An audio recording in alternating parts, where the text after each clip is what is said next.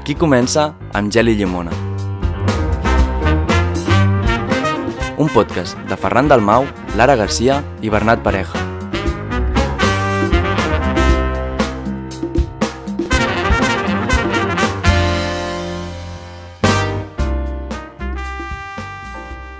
Bon dia, tornem a ser aquí, de nou. Estrenem segona temporada amb moltes ganes.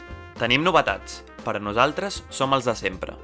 Soc el Ferran Dalmau i m'acompanyen la Lara Garcia, bon dia Lara, Bon dia! i el Bernat Pareja, bon dia. Bon dia. Avui ens movem 1.126 quilòmetres, i és que ja fa més d'un mes que el Regne Unit no és part de la Unió Europea. I need somebody help, not just anybody help. You know I need someone. Pau, prosperitat i amistat amb totes les nacions.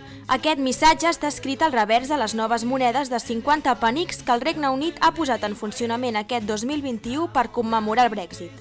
Una moneda que ha esdevingut polèmica, perquè l'Estat les va encarregar ara farà dos anys i va demanar que hi sortís la data original del Brexit, 31 d'octubre de 2019. Però les complicacions del procés van endarrerir la sortida del Regne Unit de la Unió Europea fins al passat 31 de desembre i les monedes van ser foses i tornades a fer amb la nova data. Aquest cas és un gran mirall del que ha estat el Brexit fins ara.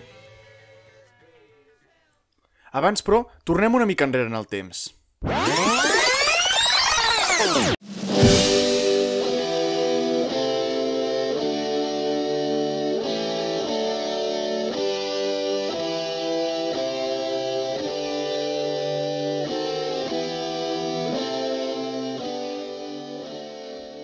Els ciutadans britànics van votar a favor de marxar de la Unió Europea el 2016, amb una victòria per la mínima.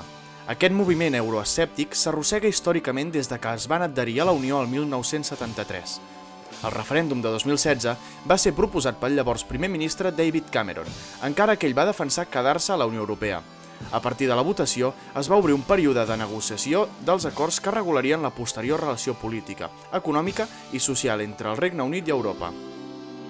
Alguns britànics es queixaven que no se'ls havia informat correctament de les conseqüències del Brexit. Al guanyar l'opció de separar-se de la Unió, David Cameron va dimitir i va donar pas primer a Theresa May i després a l'imprevisible Boris Johnson, les dues cares més conegudes d'aquest Brexit.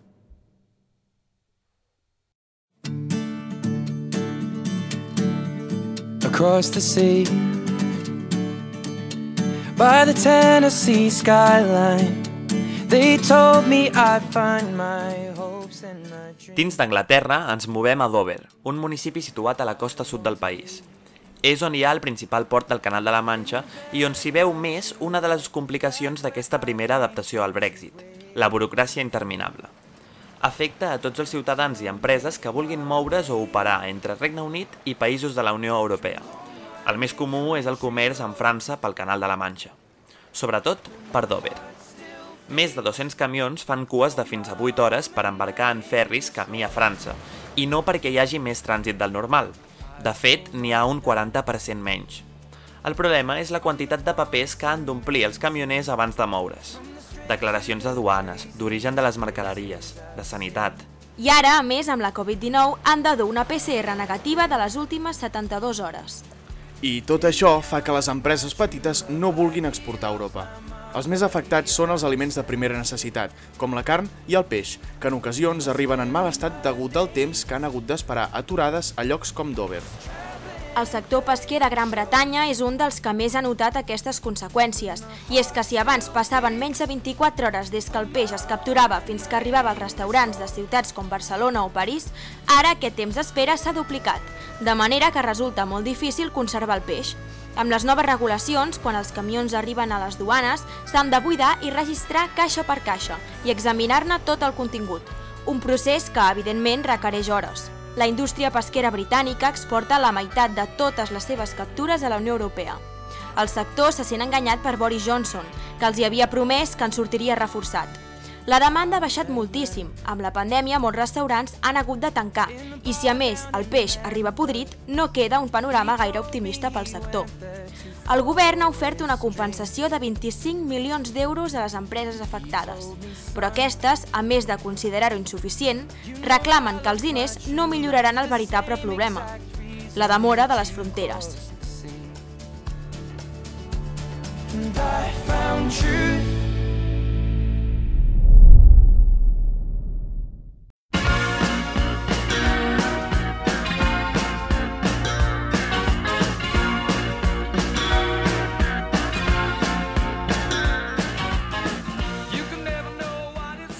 És massa d'hora per jutjar el Brexit. Actualment, el punt de vista del govern britànic és aquest i atribueixen els problemes que hi ha hagut fins ara al fet de que tot just és l'inici d'aquesta sortida a la Unió Europea i que a poc a poc tot s'anirà polint més. Val a dir que des del punt de vista del govern de Boris Johnson que no tot ha estat negatiu aquest primer mes. De fet, si els resultats d'aquelles eleccions de 2016 hagués estat quedar-se a Europa, ara el Regne Unit no seria un dels països que més vacunes de Covid-19 ha posat, amb una xifra escandalosa. Aquest gener superen els 5 milions de vacunats i van a ritme de 600.000 al dia. Pretenen arribar aquest febrer als 15 milions. Per posar una comparació, Espanya porta 1.700.000 vacunats. Tonight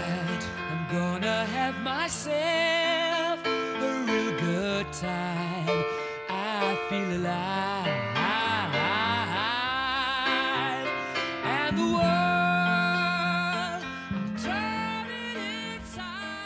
Dins del territori britànic hi ha una zona que està patint especialment les complicacions d'aquest primer mes.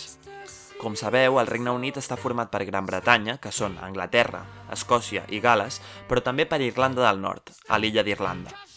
És un territori que sempre ha estat involucrat en nombrosos conflictes amb la resta d'Irlanda, que està constituïda com a país independent. Malgrat això, fins al moment, el comerç entre amb dues nacions ha estat constant i el trànsit entre els territoris sense restriccions. Ara, amb el Brexit, la regulació ha canviat. Irlanda del Nord ha sortit de la Unió Europea, però Irlanda no. El Nord, que rebia nombrosos aprovisionaments d'Irlanda, ara veu com aquests es demoren o fins i tot no arriben. El resultat d'això són supermercats buits de productes i aliments.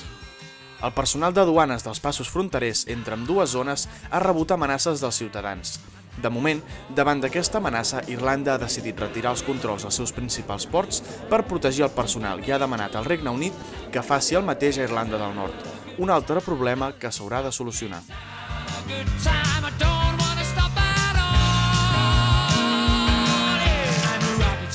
A partir d'ara, els joves europeus que vulguin estudiar al Regne Unit hauran de pagar-ne el cost total, ja que hi desapareixen les beques europees i els programes Erasmus. Això significa que s'està tancant la porta a milers d'estudiants. El Regne Unit està dins el programa Erasmus del 2014 al 2020. Per tant, totes les beques concedides fins al 2020 s'han de complir fins al final. És a dir, una beca que acabi el 2022 hauria de poder acabar-se amb normalitat. D'altra banda, Irlanda del Nord sí que es mantindrà dins el programa Erasmus amb finançament propi. Una moneda sempre té dues cares, i en aquest cas, els estudiants britànics tampoc podran estudiar fora exactament pel mateix motiu. Boris Johnson ha assegurat que el programa Erasmus era extremadament car i ha posat en marxa un altre programa, el Turing, que destinarà 110 milions d'euros a ajudes per a estudiants d'Anglaterra, Escòcia i Gales. Johnson considera que aquest nou programa permetrà que els estudiants britànics puguin anar a les millors universitats del món. Les universitats del Regne Unit, però, han rebut la notícia amb desànim, ja que fins ara havien estat el major atractiu estudiantil d'Europa. La comunitat jove estudiantil en surt, aparentment, molt mal parada. S'especula que les ajudes de Johnson no seran suficients. El Regne Unit ha estat durant anys el destí preferit per molts altres europeus per formar-se i ara possiblement perdrà aquesta fortalesa. I a més, els propis estudiants del país ja no podran treballar, estudiar i residir en altres països fàcilment. Això suposa, sens dubte, tancar la porta a tots els joves que no tinguin els recursos necessaris i privar-los de les oportunitats que hi havia fins ara al seu abast. In the town where I was born lived a man who sailed to sea and he told us of. Haurem d'esperar anys per poder afirmar si ha estat una bona o una mala decisió la sortida del Regne Unit de la Unió Europea. Els problemes burocràtics només es podran resoldre a través d'acords que regulin les relacions entre les dues potències. Amb Geli Llimona torna a ser aquí i serem durant moltes setmanes per oferir-vos tranquil·litat i notícies. Fins la setmana vinent. Marxem abans que es desfaci el gel. We all live in a yellow submarine, yellow submarine.